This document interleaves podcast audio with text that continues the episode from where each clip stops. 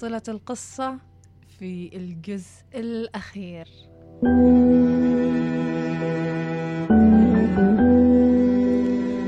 مع سارد القصص السري. عادل. طبعا كانت ختام القصة. اللي على أساس أن نشبك الأحداث. ورجعوا للبيت عادل. فتفاجأ أن كل الموجودين في البيت طلعوا من البيت. صرخ ها آه وش فيكم؟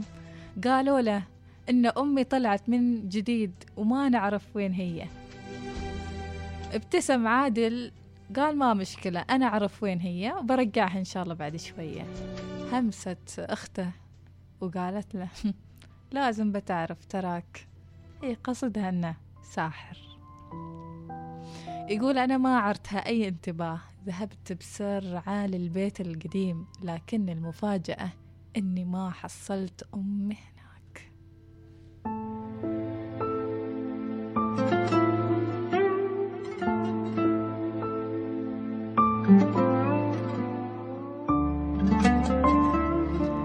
أما الجزء الأخير من القصة يقول مرت ثلاث أيام ونحن ندور وندور وندور وما حصلنا لها أثر ولا حصلنا لها خبر. عشنا ثلاثة أيام ألم وصراع مرير ما عشناه في حياتنا أبد. صراع رجعني لثلاثين سنة ورا وهذا هو العمر اللي قضيته في هالدنيا قبل ما تصير هالسالفة. يقول صاحب القصة تذكرت لما كان عمري 11 سنة يوم زارتني خالتي وعينها كانت وارمة. قلت لها سلامتك خالتي خليني أقرأ عليها. مازحتني بكلماتها وقالت تعال يا الساحر. وبعدها بديت أتمتم كلمات غير مفهومة. كان عمري 11 سنة ونفخت في عينها بهدوء وبعدين نفثت فيها ببعض اللعاب ضحكنا. وبعن وبعدين راحت تنام في تلك الليلة بسلام.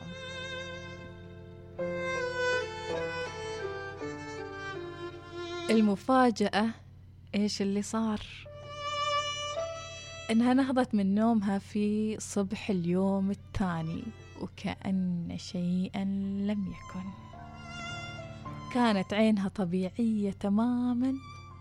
وقزحيتها الخضرة الصافية تلمع في محيط عينها الحلوة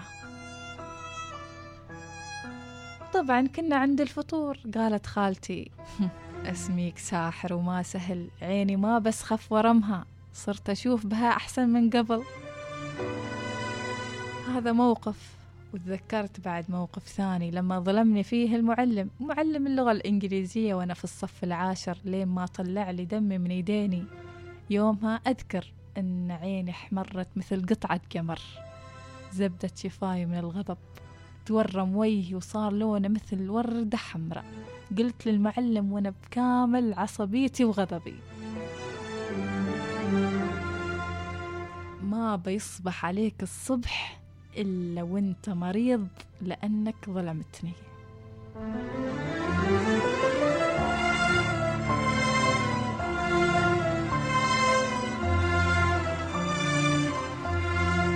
وفعلا حدث هالشيء مرض المعلم باليوم اللي بعده وما الدوام استمر مرضه يوم يومين ثلاثة أسبوع.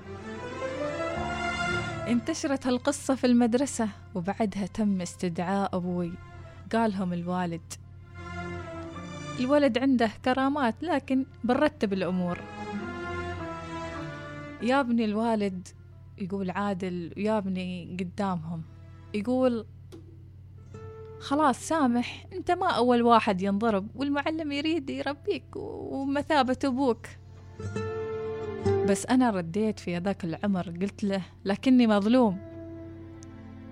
قال له أبوه طيب حتى أنا كثير أظلمك وأضربك يعني بعد بتأذيني؟ قال له يا عادل لازم تتعلم إن الحياة أخذ وعطاء. يلا قول سامحته وسامح من داخلك. يقول عادل صاحب القصة. اللهم سامحت. قلتها بهدوء وبدون تردد. المفاجأة إن المعلم نهض وكأن لم يحدث شيء له في صبح اليوم اللي بعده. بعد ما كان ملازم الفراش عدة أيام. كل هذه الذكريات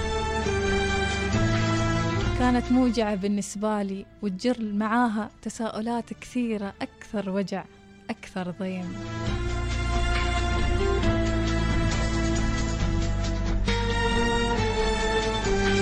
كنت أتساءل بيني وبين نفسي هل فعلا أنا ساحر؟ هل تسببت أني ألحق الأذى لأمي عن قصد لمجرد إنها ما وافقت على البنت اللي كنت مختارنها وأريدها زوجة لي؟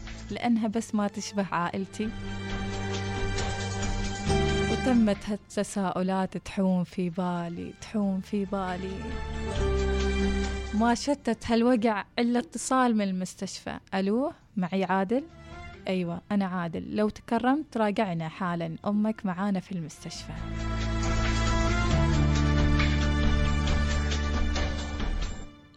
يقول عادل تركت كل شيء ودبت الحياة في جسدي من جديد.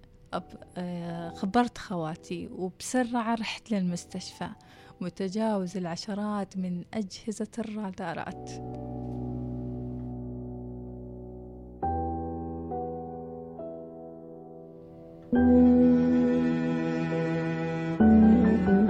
ولما وصلت حصلت والدتي مكومة على سرير طوارئ وما تتحرك.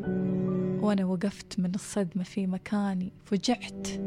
ولكن الطبيبة طمنتني قالت لي لا تخاف لا تخاف. والدتك إن شاء الله الحمد لله أنها بخير. وكل أجهزتها الحيوية سليمة. بنسوي لها إن شاء الله فحوصات أكثر وتحاليل. وإن شاء الله راح تستعيد وعيها وعافيتها بعد أيام بإذن الله. ولكن هذا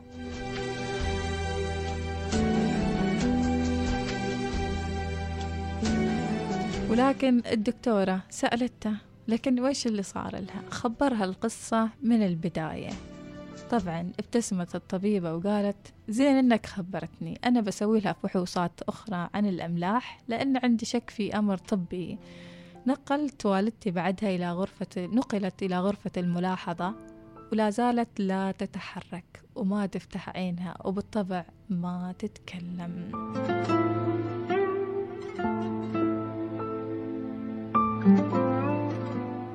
كيف فاصل؟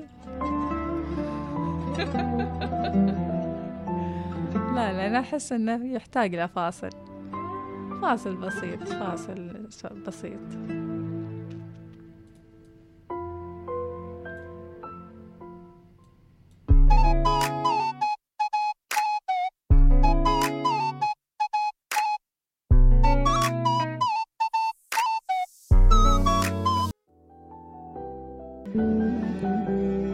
نكمل القصة.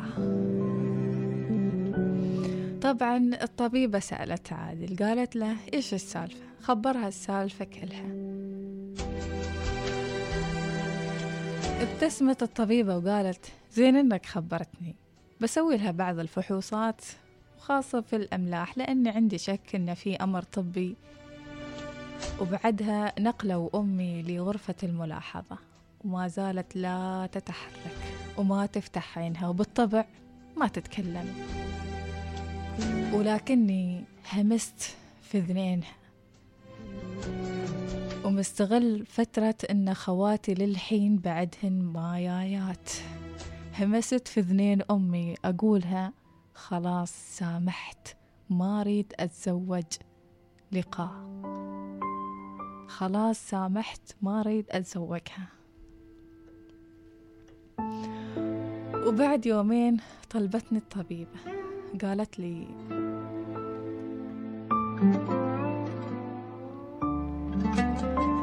اسمع يا عادل والدتك صار معها ارتفاع مفرط بالأملاح على أثر الصوم المستمر وهذا الارتفاع طبعا أثر سلبيا على اللواقة العصبية وصارت ما تؤدي وظائفها بكفاءة.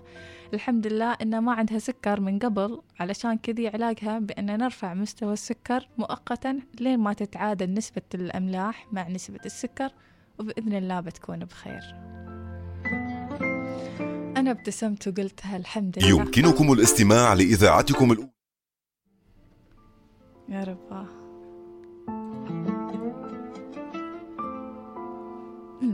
أنا ابتسمت وقلت لها الحمد لله وبإذن الله بتكون بخير. مرت أربعة أيام أسبوع ووالدتي تعطى جرعات من السكر.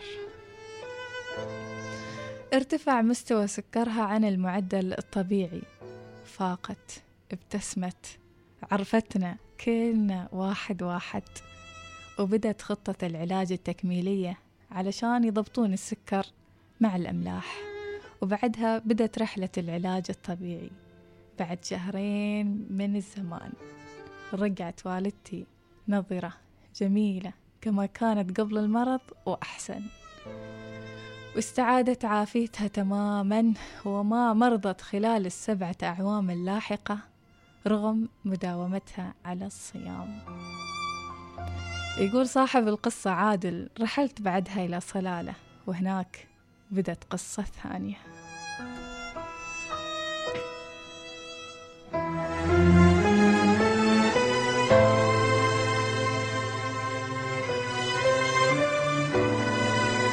آه كيف؟ تو يعني أنتوا إيش رأيكم؟ عادل ساحر ولا ما ساحر؟